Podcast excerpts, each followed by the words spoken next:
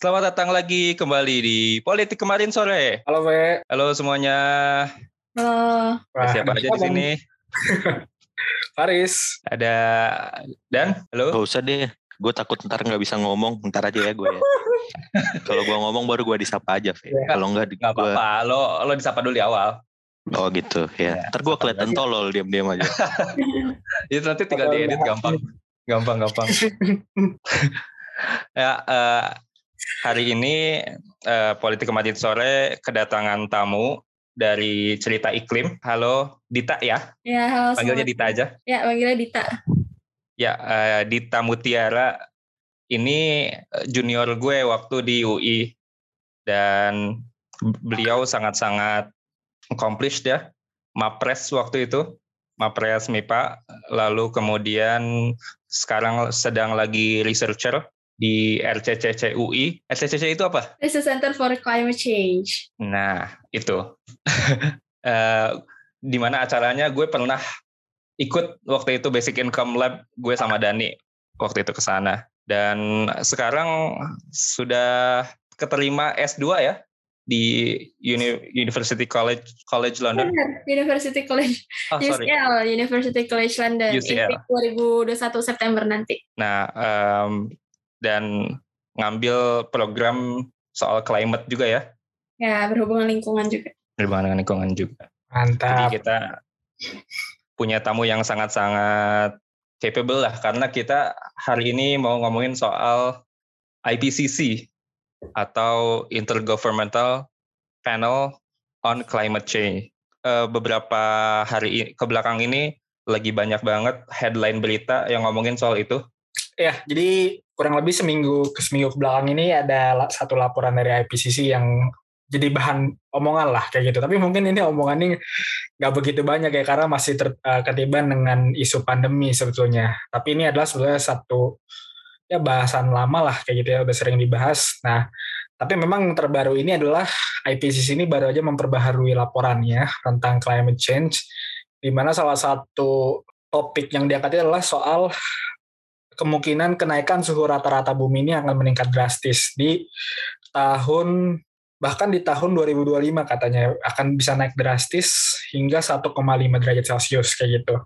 Yang mana sebetulnya fenomenanya sudah sudah sudah banyak kita lihat ya gitu perubahan iklim ini akhirnya menimbulkan uh, bencana banjir sekarang di mana-mana gitu ya kekeringan itu mungkin teman-teman juga pernah lihat ketika uh, beberapa gelombang panas ya terjadi di daerah Amerika Utara kayak gitu. Ini adalah salah satu bentuk bentuk bagaimana akhirnya climate change ini jadi satu masalah yang sangat serius gitu dan perlu diperhatikan tidak hanya oleh satu negara tapi jadi isu global sebetulnya kayak gitu. Dan memang kan eh, sebelumnya ya sebelumnya negara-negara itu pernah membuat satu kesepakatan di Paris atau yang kita kenal sebagai Paris Agreement di mana semua negara ini sepakat untuk kita menjaga kenaikan suhu rata-rata di bumi ini di bawah 2 derajat Celcius kayak gitu. Karena bila lebih dari itu ya kita akan mungkin menyaksikan bencana-bencana alam ya yang lebih signifikan dibanding hari ini kita rasakan. Nah sebetulnya bukan hanya ten- tentang IPCC yang cukup uh, ramai ya, karena beberapa minggu yang lalu juga Joe Biden melakukan pidato dan ada salah satu statementnya yang menarik menyebutkan bahwasanya daerah pesisir di Indonesia itu berpotensi mengalami tenggelam kayak gitu. Jadi sempat ramai tuh Jakarta tenggelam, terus isinya Semarang akan tenggelam gitu ya dan beberapa daerah pesisir yang ada di Indonesia khususnya perkotaan kayak gitu di di Sorong. Biden benar-benar bilang spesifik Jakarta dan Semarang gitu.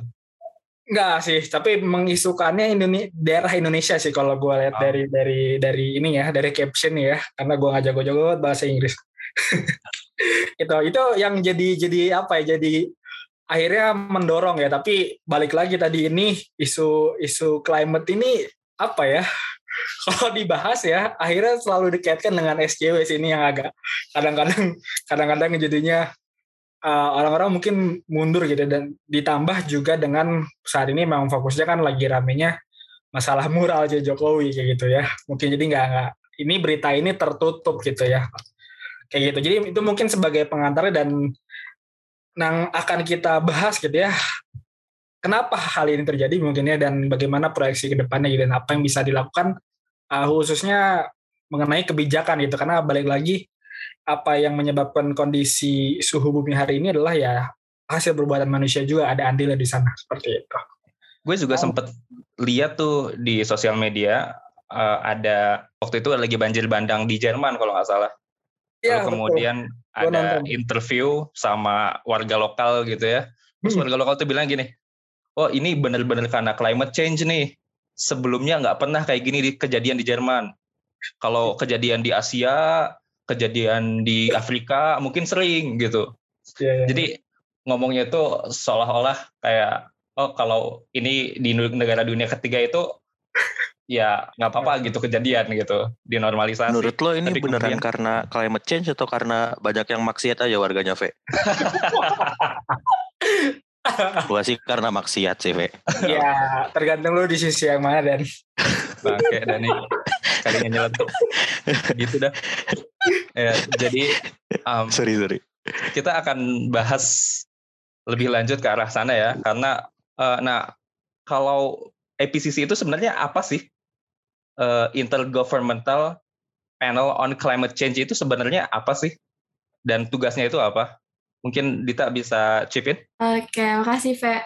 Ya, jadi em, tadi sepakat ya sama yang uh, Faris bilang ya tentang kabar-kabar terkini, eh, itu naik lagi tuh tentang laporan ya, laporan dari IPCC gitu. Nah, sekarang orang-orang pada ngomongin IPCC apa gitu. Mungkin ada yang baru tahu juga gitu ya.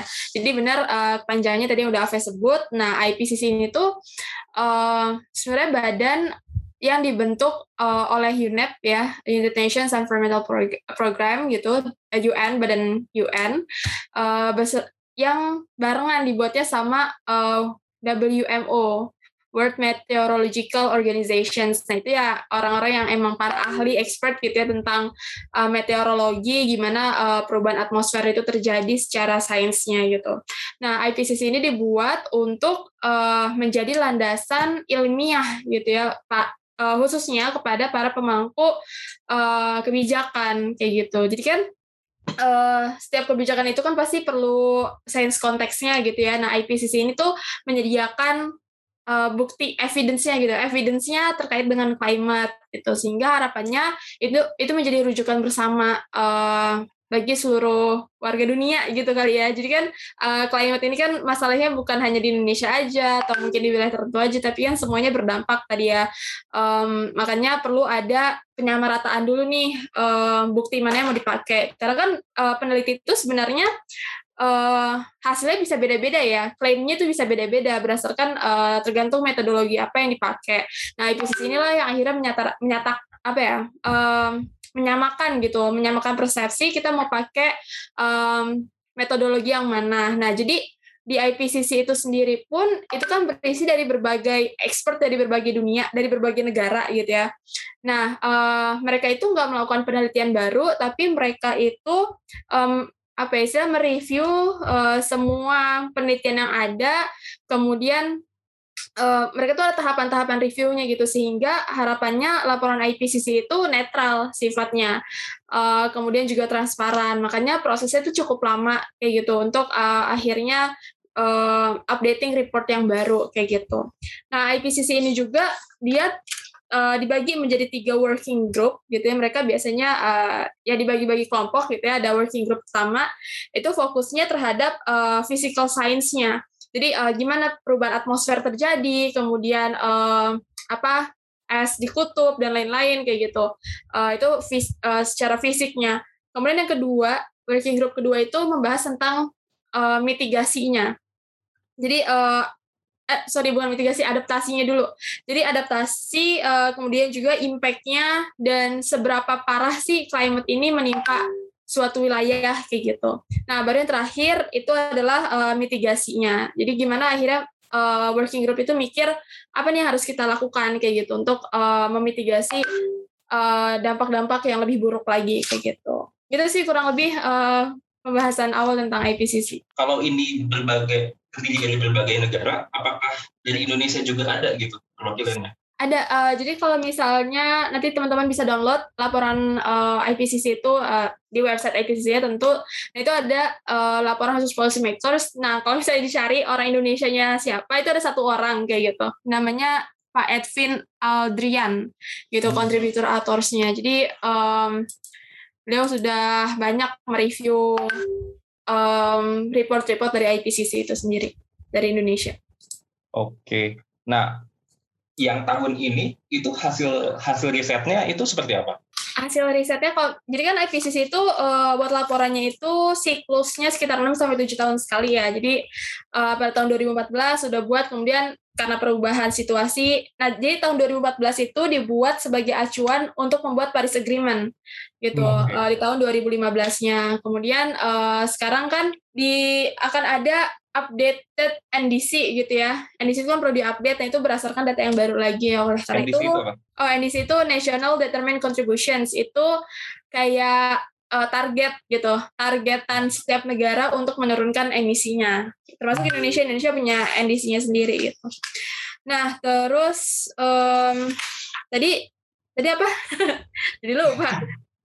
Em, Kalau yang tahun ini itu Oh iya, jadi kalau yang tahun ini itu untuk persiapan nanti nih tahun 2021 itu kan eh, ada eh, COP26 di Glasgow ya di UK kayak gitu. Jadi eh, ini base-nya untuk eh, para pemangku kepentingan itu negosiasi eh, terkait eh, target NDC-nya. Apalagi sekarang mungkin banyak bahasanya nanti tentang eh, menuju eh, zero net gitu ya, eh, carbon nol, zero net emissions kayak gitu. Nah perbedaannya kalau ini kita langsung bahas aja kali ya tentang uh, laporan IPCC-nya ya. Iya. Ya jadi laporan IPCC uh, nanti teman-teman bisa download ya kalau mau lebih lihat infografisnya seperti apa mungkin itu lebih menggambarkan se- sedramatis apa sih kayak gitu. Nah jadi uh, kalau misalnya tahun 2014 mungkin orang masih bisa membayangkan oke tahun 2050 tahun 2030 gitu atau 2050 uh, masih bisa mencapai uh, tidak lebih dari satu setengah derajat Celcius kenaikan permukaan temperaturnya kayak gitu. Tapi di tahun sekarang kayak gitu uh, itu udah nggak mungkin lagi gitu. Jadi di dalam report itu dibagi menjadi dua. Uh, jadi ada ada ada ada report khusus saintifik ya. Secara sainsnya uh, panjang kali lebar gitu ya. Mungkin gak semua orang ngerti gitu kan karena itu bahasanya sangat sains gitu uh, bahasan para expert gitu ya. Tapi ada juga laporan yang untuk policy makers. Nah, ini yang lebih manusiawi bahasanya gitu ya.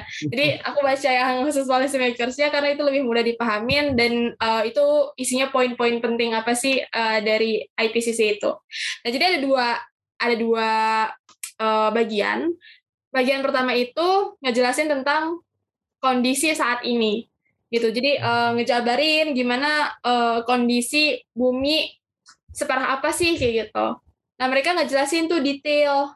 Evidence yang pertama mereka bilang bahwa uh, aktivitas manusia ini memiliki peran yang paling penting gitu kan dibandingkan uh, nature. Mereka tuh ada grafiknya sendiri kayak kalau misalnya uh, hanya berdasarkan nature itu nggak bakal mungkin peningkatannya lebih dari uh, satu derajat Celcius uh, dengan baseline-nya itu pre-industrial uh, pada tahun 1980-an, eh 1800-an lah gitu ya. Jadi nggak uh, bakal meningkat lebih dari satu derajat Celcius gitu. Tapi ini kan meningkatnya dramatis dramatis banget gitu ya. Itu ada faktor dari uh, aktivitas manusia. Terlihatnya dari apa? Terlihatnya dari uh, konsentrasi CO2-nya. Sebenarnya bukan CO2 aja sih greenhouse gases-nya kan ya. Ada metan, ada nitro. Ya, ya tapi kemudian um, itu disederhanakan menjadi CO2 aja ya. Iya, disederhanakan supaya uh, mungkin lebih gampang ya dalam perhitungan simulasinya juga gitu. Mungkin Terus yang, kasih contoh aja, kalau metan itu berapa seberapa lebih buruk daripada CO2 gitu misalnya? Uh, sebenarnya metan itu kan kebanyakan dari aktivitas agriculture ya, uh, peternakan kayak gitu. Um, sebenarnya kurang tahu juga ya seberapa buruknya, tapi yang pasti um, mereka menghasilkan emisi juga kayak gitu. Mm -hmm berkontribusi gitu. Um, segala macam greenhouse gases ini kemudian disederhanakan jadi ukurannya itu CO2 gitu ya? Ya, uh, ya pokoknya di dalam report itu dijelasin lah tadi uh, konsentrasi CO2, kemudian um, at, uh, apa atmosfer kita, kemudian asidifikasi, pengasaman gitu ya yang ada di uh, ocean, yang ada di laut gitu. Terus peningkatan muka air laut yang tadi makanya dibilang uh, Jakarta atau daerah pesisir Indonesia bakal tenggelam karena di laporan IPCC itu itu mereka melihat uh, resikonya paling parah tuh negara-negara mana sih gitu. Nah, salah satunya Indonesia gitu. Nah, jadi mereka uh, ada negara yang terdampak itu parah banget gitu di warna merah, ada juga yang uh, sedang gitu. Itu uh, beda-beda tuh resiko asesmennya berdasarkan tadi poin-poin CO2-nya atau asidifikasinya atau peningkatan suhu eh, peningkatan permukaan air lautnya kayak gitu. Itu beda-beda tiap wilayah. Nah, implikasinya ada, adalah uh, frekuensi dan intensitasnya makin sering. Makanya yang tadinya mungkin nggak pernah terjadi bencana, akhirnya terjadi bencana gitu. Hmm. Ada hot extreme, ada uh, hujan yang lebat gitu ya, heavy precipitation sama uh, agriculture-nya itu akan berubah gitu. Pola pola ecological agriculture-nya itu akan berubah. Yang tadinya mungkin uh, panen setiap setahun tuh berapa kali, akhirnya panennya cuma uh, lebih berkurang kayak gitu. Nah, itu itu salah satu dampaknya. Nah itu uh, gambaran yang bagian pertama. Kemudian gambaran yang kedua itu adalah uh, berkaitan dengan proyeksi di masa depan kayak hmm. gitu. Jadi di IPCC itu dia membuat lima skenario mulai dari yang um, mulai dari yang uh, yang terbaik. Mulai dari yang biasa apa ya bahasanya mulai dari best case skenario sampai ke worst case skenario gitu ya. Iya, iya benar-benar. So, kayak gitu ya. Jadi mereka uh, udah udah buat tuh skenario nya masing-masing. Nah, uh, bahkan dari yang paling rendah aja gitu ya, uh, mereka memperkirakan tahun 2080 sampai 2100 itu tuh uh, udah melebihi 1,5 derajat Celcius gitu. Jadi udah nggak mungkin 1,5 derajat Celcius itu mening, uh, tercapai gitu tahun 2100 pasti bakal lebih dari 1,5 derajat Celcius. Nah, um, jadi mereka tuh memperkirakan ya, meskipun sekarang kita ada uh, ada berbagai upaya ada berbagai upaya untuk menurunkan emisi, tapi dari skenario itu dilihat sampai tahun 2050 emisi itu bakal terus tetap meningkat kayak gitu karena uh, itu akumulasi kayak gitu. Nah, apalagi kalau misalnya kita nggak nggak ngurangin dari sekarang gitu emisinya bakal terus meningkat dong sampai tahun 2100. Nah, um, paling ekstrimnya kalau misalnya kita nggak melakukan apa pun atau apa ya dengan usaha yang serendah-rendahnya gitu ya untuk menurunkan emisi itu tuh diperkirakan diperkirakan bahkan di tahun 2100 itu suhunya naik 5,7 derajat Celcius kayak gitu. Mungkin orang mikirnya kayak ya udah 5, 5 derajat doang gitu kayak gue bisa deh hidup 5 derajat gitu kan. Tapi kan dampaknya nggak cuma ke manusia. Uh, kita lihat uh, biolo apa ya uh, biotik gitu ya biota itu kan uh, mereka punya suhu tertentu yang mereka, yang mereka bisa hidup lebih dari satu derajat saja mereka bakal mati kayak gitu mungkin kalau kita sebagai manusia endoterm gitu ya, kita lebih bisa menyesuaikan nih metabolisme tubuh kita. Tapi kan ada hewan-hewan yang eksoterm yang mereka sangat bergantung dengan suhu uh, sekitar suhu permukaan bumi kayak gitu. Jadi kalau misalnya suhu permukaannya bumi meningkat, mereka bakal mati musnah gitu ya, karena nggak bisa survive. Kemudian uh, berkaitan lagi ke siklus um, siklus apa sih kan kalau SD SMP itu pernah belajar rantai makanan gitu ya atau ya. jaring-jaring makanan gitu. Jadi satu hilang itu pasti akan ada ketidakseimbangan ekosistem. Nah, jadi um, ya itu bakal ekosistem bakal tidak seimbang. Makanya uh, ada istilah uh, mass extinctions gitu akan terjadi kepunahan massal, uh, biodiversity loss kalau benar-benar um, tidak kita tanganin kayak gitu. Itu sih kurang itu, lebih tadi gambaran duanya. Worst case skenario di mana 2000 100 itu di atas 5 derajat ya? Iya, 5,7 bahkan mereka bilang, hampir 6. Ya lumayan sih. Bandung jadi rasanya kayak apa tambah 55 derajat Celcius. Masjid Salman ya. jadi nggak adem lagi dah. Mending Bandung coba ajak apa Bekasi. Aduh, Bekasi nih, gue juga Bekasi. Aduh, Dita yang ngerasain. Waduh, kayaknya nggak ada yang mau keluar deh. Kayaknya semuanya WFH aja. ya ya ya. Nah, um, itu itu kan uh, laporan yang 2021 ya. Ya. Sementara 2014 itu sudah keluar laporan, lalu kemudian dijadikan basis untuk Paris Agreement 2015. Ya. Walaupun mungkin sempat disabotase sama Trump gitu ya, mungkin beberapa tahun. Tapi um, dari hasil yang tahun ini itu kelihatan nggak ada improvement mungkin dari 2015 ke 2021? Eh, ya kalau misalnya eh aku nggak tahu nih maksudnya improvement nih kayak gimana, tapi eh, yang pasti laporan tahun ini tuh lebih mengerikan. Nggak, Enggak, itu kan tadi 6 atau 7 tahun baru dibikin report baru. Eh, Hmm. Itu karena emang penelitiannya butuh waktu yang lama atau karena apa ya? Karena kan maksudnya PPKM-nya dua minggu sekali zonanya ganti-ganti. Masa zona merah, zona ini kita harus nunggu 6-7 tahun sih? Iya, eh sebenarnya kurang tahu ya eh, basisnya kenapa 6 sampai 7 tahun karena kalau yang gue baca sih ya udah mereka emang eh asesmennya setiap 6 sampai 7 tahun sekali gitu dan eh, asesmen NDC itu tiap lima tahun sekali kayak gitu. Jadi mereka emang udah ada kesepakatan kayaknya di awal oh tiap sekian tahun sekali. Tapi kalau asumsi gue sih kayaknya eh, itu karena tadi data itu untuk proyeksi itu nggak bisa data yang sedikit gitu. Jadi eh, datanya tuh perlu banyak. Eh, mungkin tujuh tahun udah cukup atau lima enam tahun lima tahun itu udah cukup ya untuk adanya melihat eh, signifikansi perubahannya kayak gitu. Kayaknya. Nggak tahu nih kalau yang ganti-ganti setiap seminggu sekali lihat signifikasinya gimana ya? Nah, itu itu bukan episode ini ini bukan episode recent recent update ini. Jadi kita coba fokus ya. Nah, mungkin em, kita akan coba eh, terjun lebih jauh ya soal public policy-nya. Mungkin gue akan mencoba menjelaskan sedikit secara secara sederhana saja soal public policy-nya ini. Ada beberapa kategori dan ada beberapa contoh. Mungkin Dita nanti bisa nambahin ya kalau mau ya. Ya silakan silakan. Nah, em, yang paling sering banget ataupun yang paling lazim dipakai di dunia ini adalah di dunia di bumi itu eh, carbon pricing, ya. Karena eh, seperti yang tadi dibilang eh, semua semua di kalau kemudian greenhouse gases dikuantifikasi itu semuanya unitnya itu jadi karbon. Jadi em, kita me- menghitungnya untuk ekuivalen sekian sekian banyak karbon gitu. Nah, carbon pricing yang pertama itu eh, contohnya adalah carbon tax. Basically em, kalau misalkan ada satu perusahaan eh, emisinya melebihi em, ukuran tertentu, mungkin nanti akan ada pajaknya. Nah, itu kemudian jadi eh, insentif agar eh, si perusahaannya ini kemudian menurunkan emisinya seperti itu.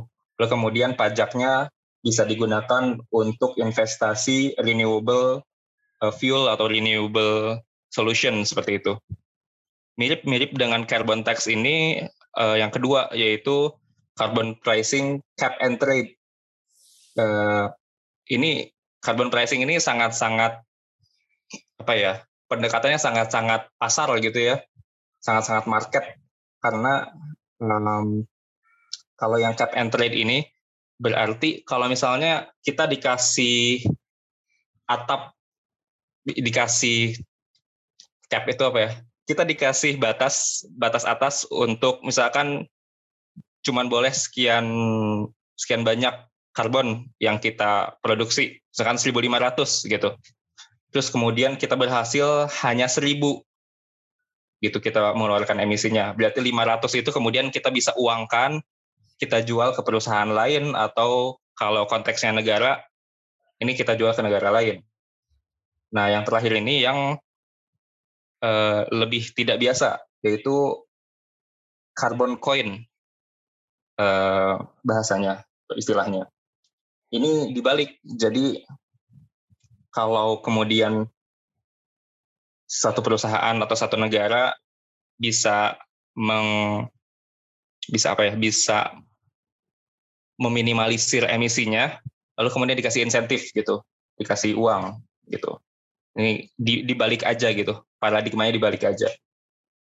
Nah yang carbon pricing ini memang jadinya efektif karena eh, sangat-sangat market approach banget gitu ya Eh, basically Eh, sorry dong. Kan gua Gimana? Gue nggak sebelumnya tidak masuk ke topik ini lebih jauh ya.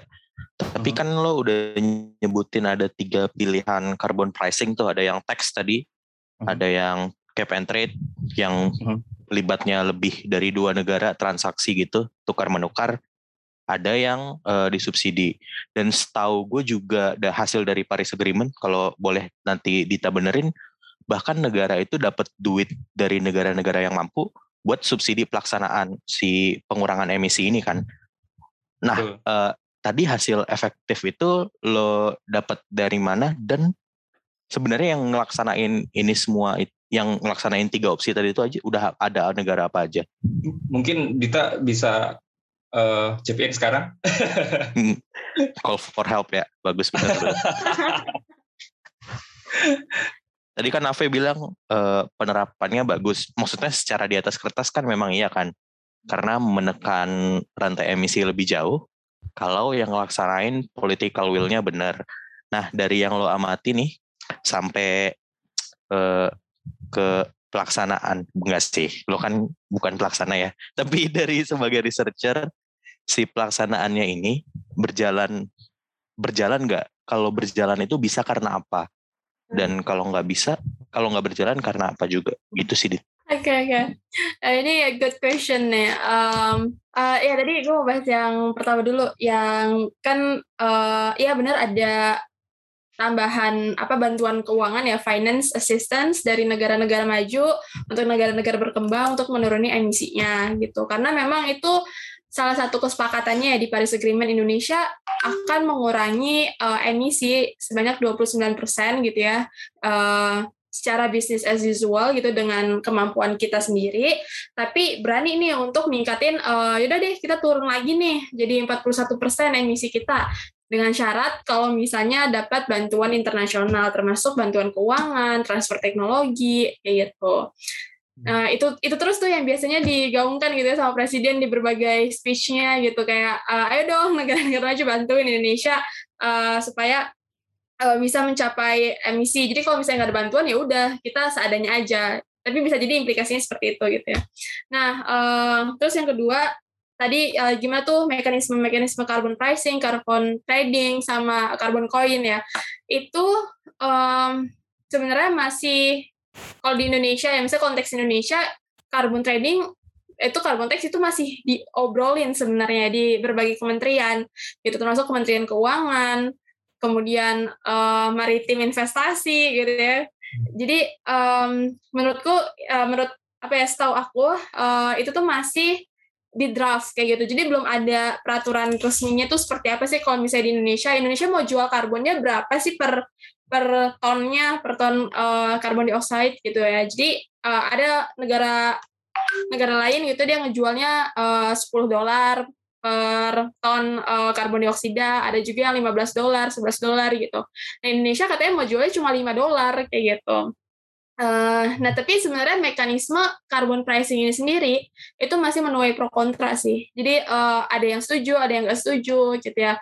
Yang setuju eh, kalau yang nggak setuju gitu ya argumennya em, apa ya carbon pricing ini istilahnya itu hanya hanya akal-akalan untuk em, apa ya pengen bisnis tetap jalan kayak gitu ya. Tapi dengan akal-akalan ya udah nih gue bisa mengurangi atau menjual belikan karbon kayak gitu. Tapi em, apa sih namanya kapitalisme gitu ya mungkin teman-teman lebih paham. Kapitalisme itu tetap jalan kayak gitu. Eh, tapi di makanya itu ditentang tuh sama orang-orang yang memiliki pemahaman eh, sebaiknya kita growth-nya itu apa ya lebih ke arah degrowth kali ya. Jadi mereka eh, mikirnya ya udah dikurangi lah eh, produksi dan konsumsinya jangan justru ditutup-tutupin dengan eh, mekanisme trading tadi kayak gitu. Jadi mereka benar-benar kayak dikurangi eh, konsumsi dan produksi. Sedangkan kalau misalnya menurut carbon pricing itu kan eh, produksi konsumsi tetap jalan kan kayak gitu asalkan eh, ada batas tertentunya kayak gitu terus Jadi kayak uh, bayar denda tapi dosanya tetap jalan ya. iya iya benar ya, tapi dosanya tetap jalan betul Ya kayak makan Indomie pakai sayur lah ya. Bisa-bisa berarti. Enak dong Dan. Ini mungkin Terus kita tadi yang paling menarik tuh poin ketiga yang koin kenapa Ya lanjut aja dulu. Apa -apa. Ya, yang yang lain itu yang carbon coin ya. Uh, aku juga kayaknya baru tahu malah kayak uh, istilah itu. Tapi kalau misalnya direfleksikan dengan yang aku kerjain di tempat kerja gitu, kita kan uh, ada penelitian tentang basic income for nature and climate ya. Jadi kayak itu termasuk salah satu uh, mekanisme carbon coin deh, karena uh, ide basic income for nature and climate adalah wilayah-wilayah yang mengkonservasi hutan itu dia mendapatkan insentif lebih gitu ya dari pemerintah gitu sehingga dibagikan uh, sebagai basic income gitu ke uh, masyarakat yang mengelola hutan tersebut, mengkonservasi hutan tersebut, mempertahankan hutan tersebut untuk tidak diubah menjadi wilayah industri, misal kayak gitu.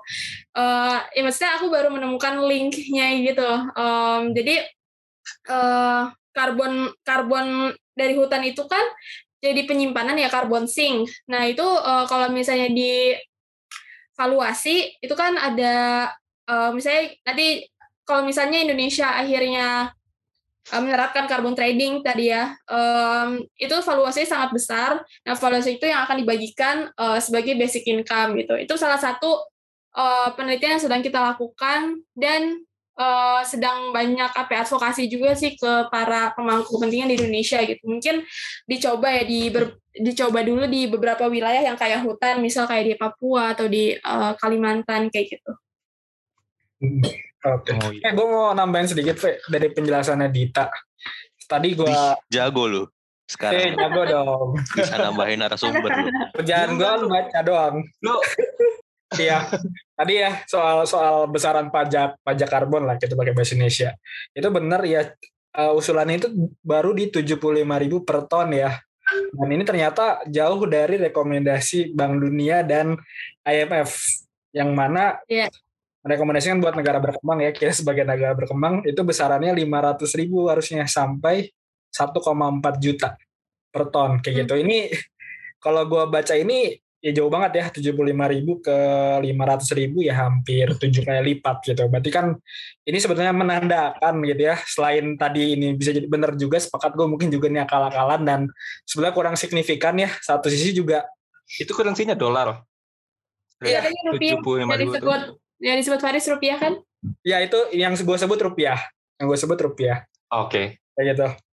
Ya intinya kan ada ada jauh banget ya. Pertama jauh berarti kan kalau istilahnya kita ingin memberikan sanksi gitu ya kasarnya ya sanksi dalam tanda kutip untuk orang-orang yang menggunakan masih menggunakan karbon.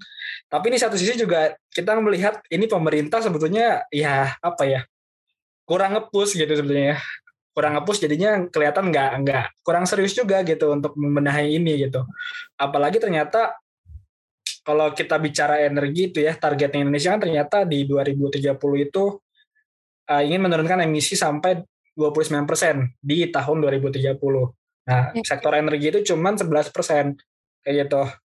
Ya berarti kan udah maksa gitu, kecil gitu ya. Uh, pajaknya pun kecil gitu. Kenapa nggak kita samakan bahkan mungkin dilebihi aja sekalian gitu. Kayak gitu ya walaupun ini mungkin jatuhnya uh, rada mimpi gitu ya. Tapi jadinya nggak jadi kelihatan nggak serius aja sih gue ngelihatnya gitu dengan menetapkan harga segitu gitu. Oke, udah banyak poin menarik tuh soal carbon pricing. Gue mau nambahin kalau tadi yang gue bilang um, bahwa carbon pricing itu paling efektif ya dalam tanda kutip itu karena carbon pricing ini yang mungkin paling sederhana dalam sistem kapitalisme gitu loh. Solusi yang paling sederhana karena uh, tinggal diatur ada pajaknya atau kemudian bisa jual beli karbon lalu kemudian tinggal mekanisme pasar yang mengurus gitu. Dan mungkin itu banyak banget uh, flows-nya ya, seperti tadi yang dibilang Faris dan Dita. Tadi kita udah bahas sedikit soal carbon pricing dan pro kontranya ya. Banyak yang bilang kalau tadi tadi Dani bilang kalau ini itu ya dosanya jalan terus tapi cuma ada nedanya aja gitu. Nah, itu mungkin uh, semacam problem carbon pricing in a nutshell ya. Nah, makanya ada beberapa solusi alternatif selain carbon pricing itu sendiri gitu. Yang pertama itu adalah um, standar standarisasi gitu ya. Ini bisa jadi soal standarisasi industri atau standarisasi dari lifestyle kita sendiri. Misalnya kalau sekarang kita standarisasinya adalah sekian puluh persen dari research and development di industri-industri mobil misalnya kendaraan-kendaraan itu harus ke elektrik misalnya atau harus ke yang renewable misalnya. Nah itu salah satu contoh dari standar.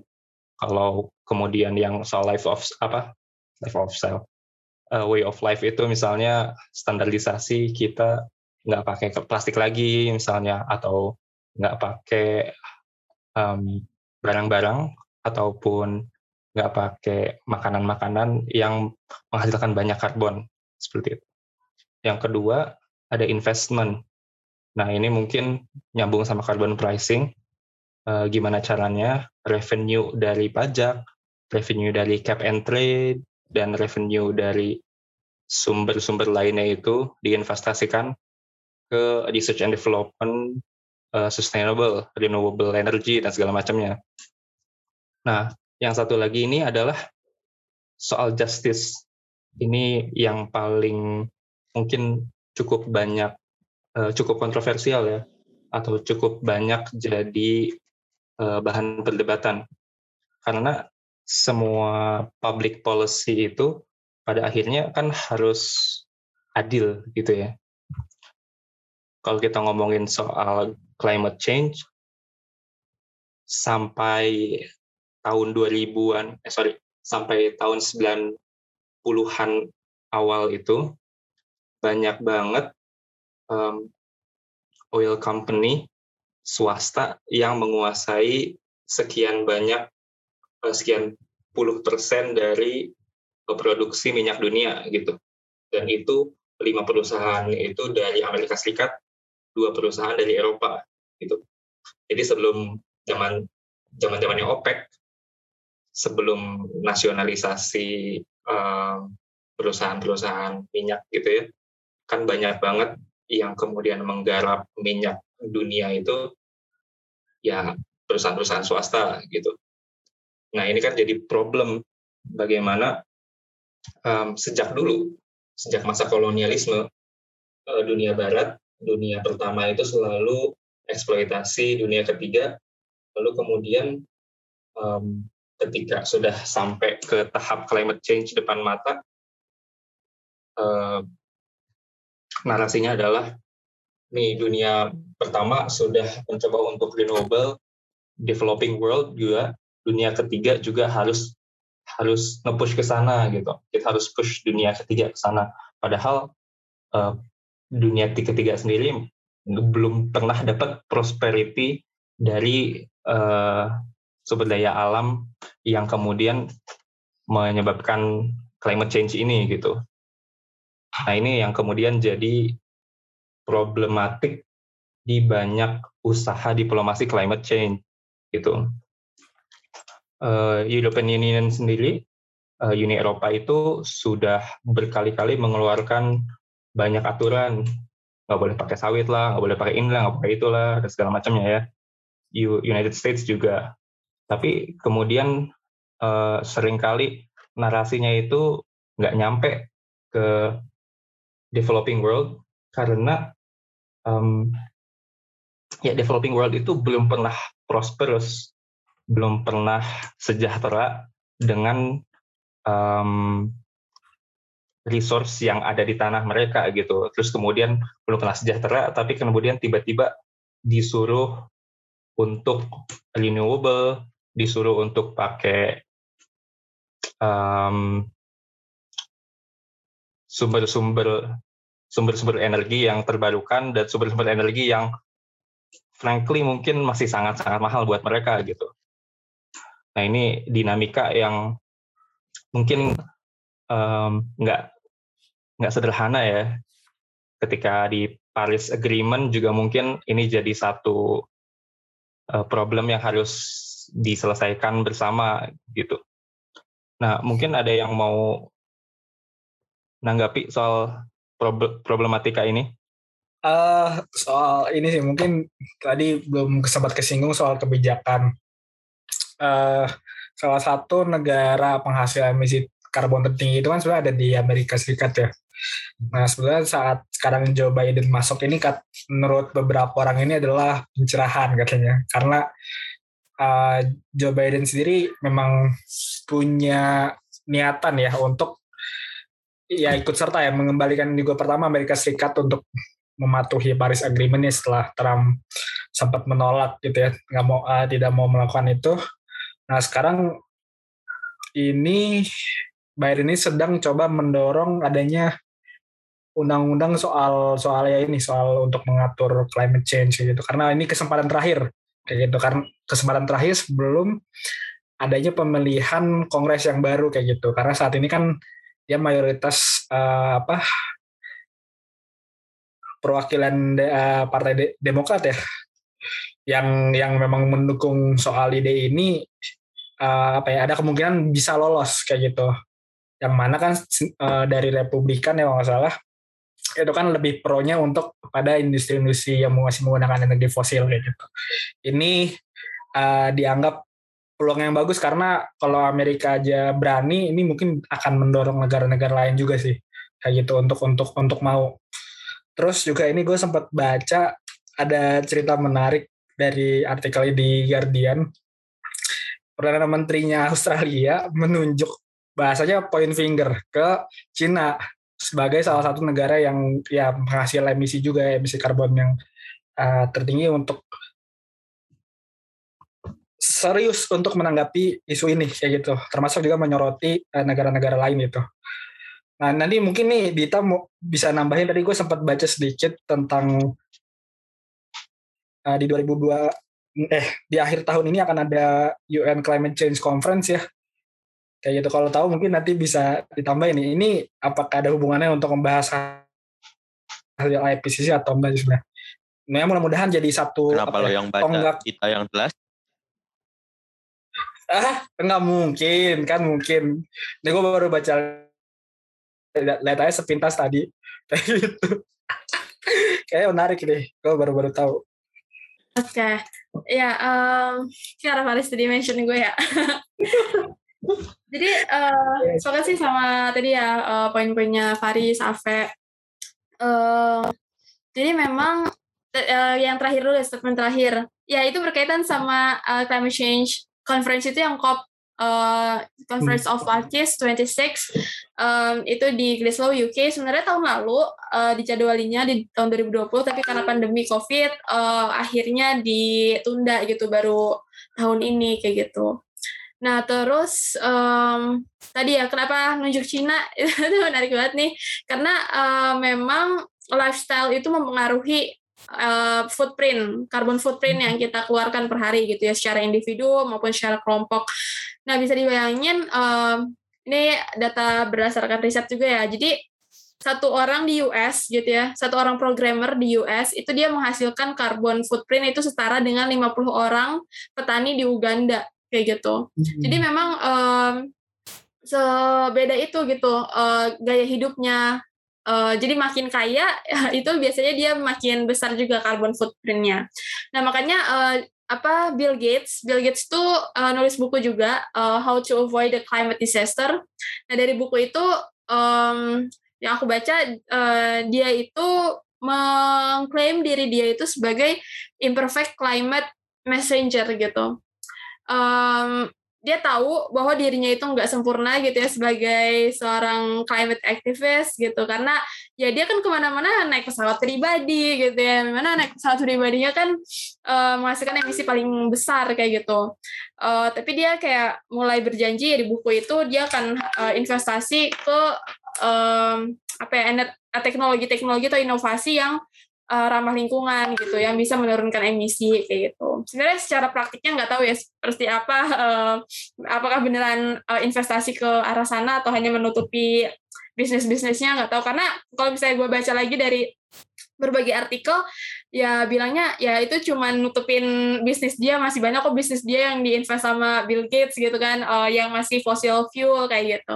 Gitu sih um, salah satu tadi uh, respon gue. Karena jadi tiap orang tuh uh, tergantung gaya hidupnya. Dia pasti akan ngasilin uh, hal yang berbeda. Makanya uh, timbullah gerakan-gerakan climate justice kayak gitu kan uh, kesetaraan um, apa namanya uh, kesetaraan makanya uh, banyak akhirnya menuntut ya udah negara maju nih lo udah ngasilin emisi paling banyak uh, kasih dong bantuan ke negara-negara lain kayak gitu. Oke tadi ada bantuan finansial untuk negara-negara yang belum maju kayak gitu.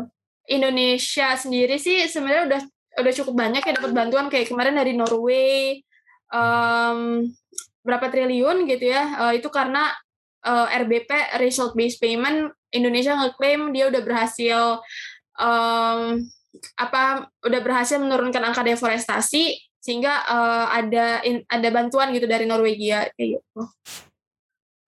Seberapa memang, efektifnya belum tahu sih.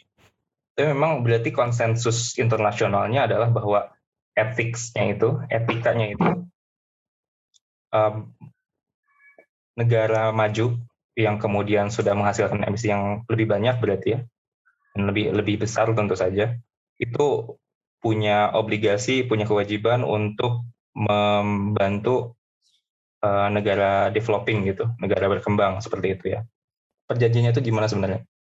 Uh, sebenarnya gue gak tahu ya detailnya kayak gimana, uh, tapi yang pasti mereka tuh kayak uh, punya standarnya sendiri kayak gitu. Jadi kalau misalnya lo bisa menurunkan angka deforestasi sampai sekian atau bisa menyerap, jadi kan emisi itu ada yang mengeluarkan, ada yang menyerap gitu ya. Hmm. Yang mengeluarkan negara-negara maju, yang menyerap adalah negara-negara yang bisa punya serapan, misal uh, kayak akan hutan gitu. Nah, um, jadi dilihat dari seberapa kemampuan kita bisa menyerap karbon gitu makin besar ya insentifnya makin makin tinggi kayak gitu oh itu sih simpelnya cuma gue juga nggak terlalu paham uh, apakah itu beda-beda perjanjiannya antar negara karena kan itu hanya finance ya bisa jadi nanti uh, ada bantuan teknologi juga kayak gitu oh.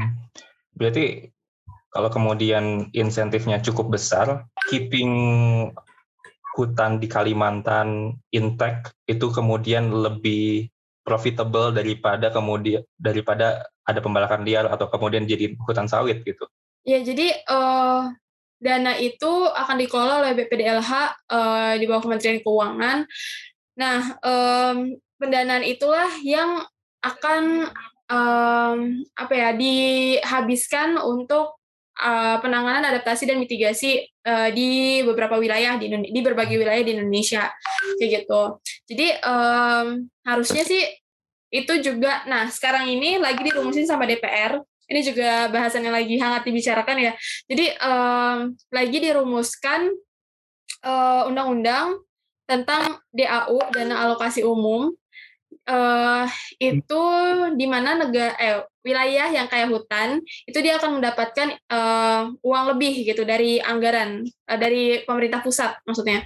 Dari pemerintah pusat dia akan memberikan anggaran lebih bagi uh, wilayah yang kayak hutan. Biasanya kan pembagian dari pusat ke daerah itu hanya berdasarkan misal luas wilayah luas wilayahnya aja gitu kan atau jumlah penduduk kayak gitu. Tapi uh, ini mau memasukkan instrumen baru gitu yaitu instrumen uh, hutan luas hutan luas cakupan hutan. Jadi makin luas hutannya uh, makin besar uh, dana yang bakal dikasih dari pusat ke daerah kayak gitu. Hmm.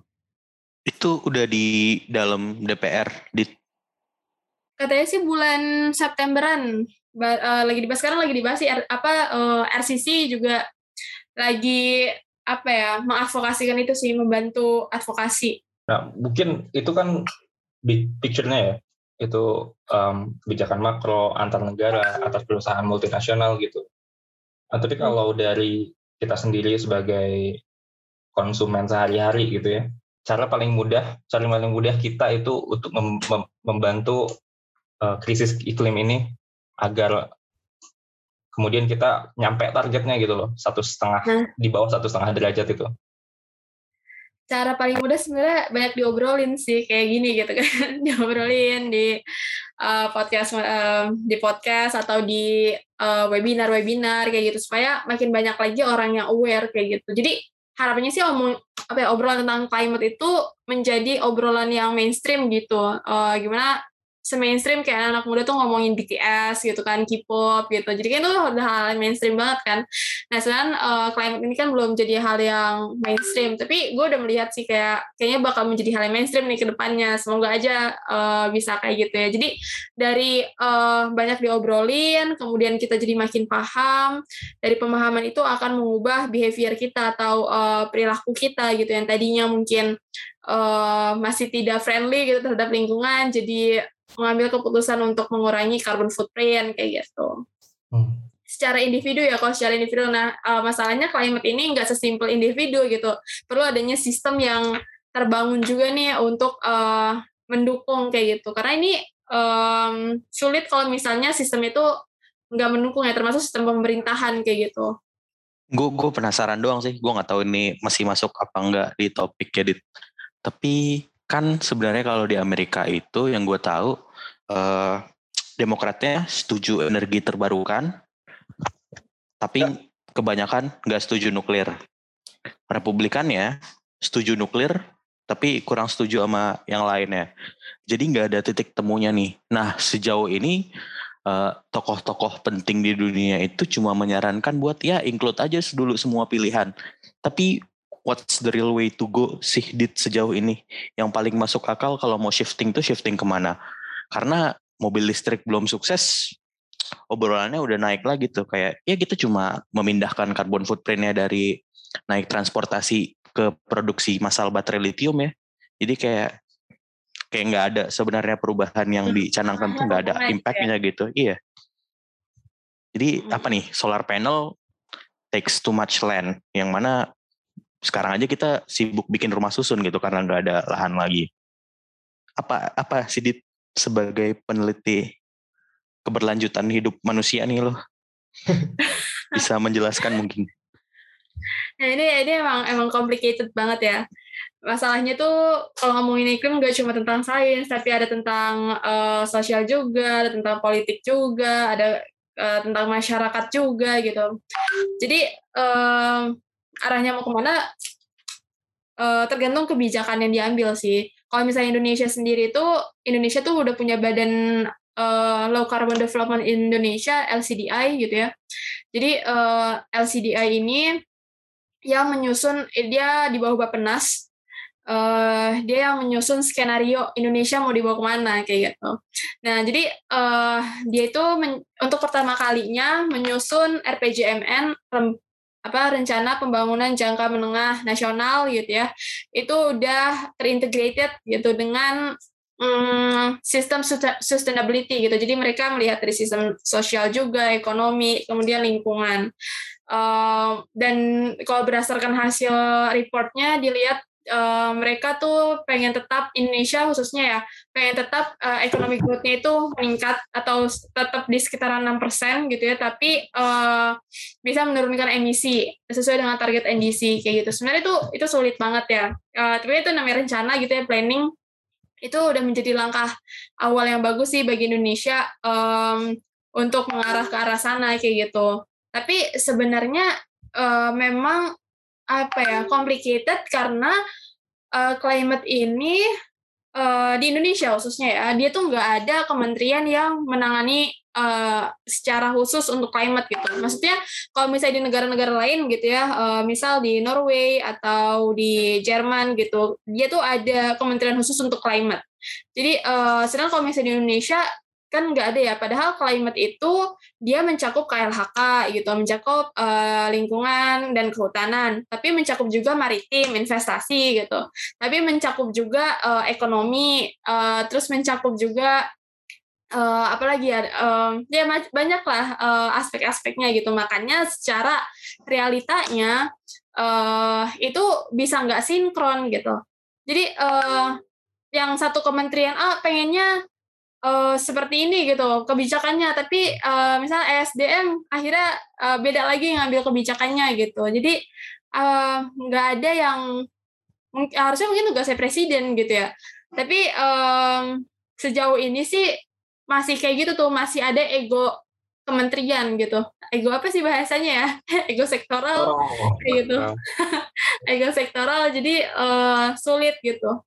Gitu sih uh, makanya itu complicated dan uh, belum tahu nih secara secara realistisnya Indonesia bakal kayak gimana khususnya Indonesia ya gitu. Karena kalau konteks negara lain mungkin beda lagi.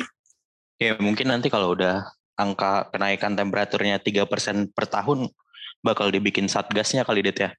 And we all know who's the man gonna lead satgas anyway. Opung, opung. Opung lah iya, iya. jawaban atas segala Pokoknya masalah. Harus ada kejadian dulu gitu ya baru ada satgas. Ya. Oke, okay, ya, ya. ya, mungkin uh, udah sampai di akhir bahasan ya. Mungkin Dita mau ada closing statement? Mantap. Ya, closingnya mantap udah.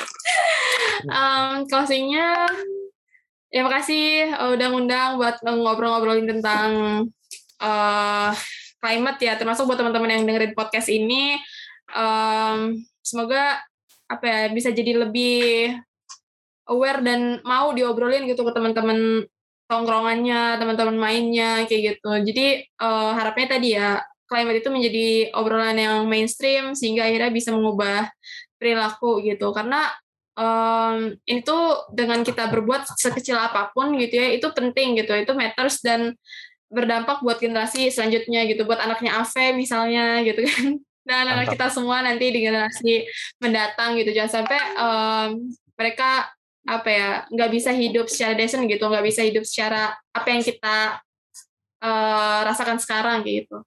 Bisa jadi lebih parah gitu. Jangan sampai kayak gitu. Nice. udah sih itu aja.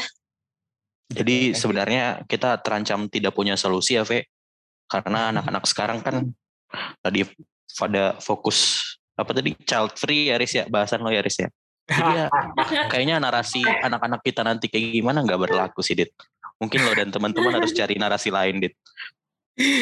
Ya, tapi itu mungkin meters ke depan ya.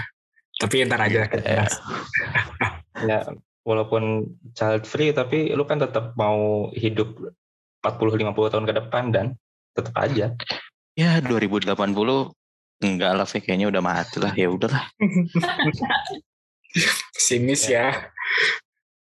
Ya, uh, sekali lagi thank you Dita dari Cerita Iklim sudah mampir ke sini dan bersedia menjawab pertanyaan kita yang sangat-sangat banyak gitu ya.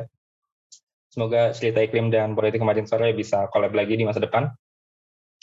Terima kasih Faris, terima kasih Dani atas pertanyaan, atas berita dan atas celetukannya.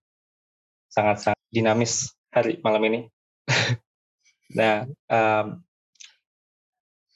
semoga percakapan kita ini bisa didengar banyak orang dan kemudian menjadi satu hal yang uh, masuk ke alam bawah sadar orang lah ya bahwa dalam 20-30 tahun ke depan itu krusial banget untuk kita mengurangi emisi karbon kita, mengurangi karbon footprint kita, dan bukan hanya diri kita sendiri aja, tapi orang-orang sekitar kita, dan negara kita, dan bumi kita.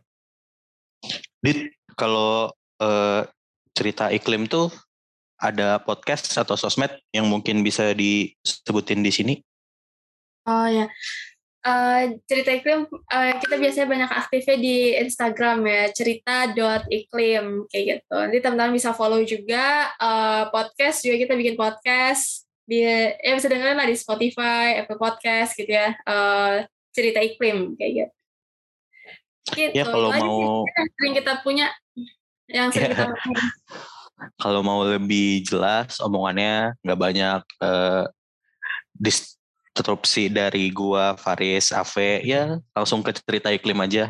Kayaknya lebih bagus di situ deh dibanding episode ini. Itu aja ya, Ave ya, Iris ya. ya. Ya, terima kasih kawan-kawan yang sudah mendengarkan. Sampai jumpa di episode-episode selanjutnya. See you. See you. Bye.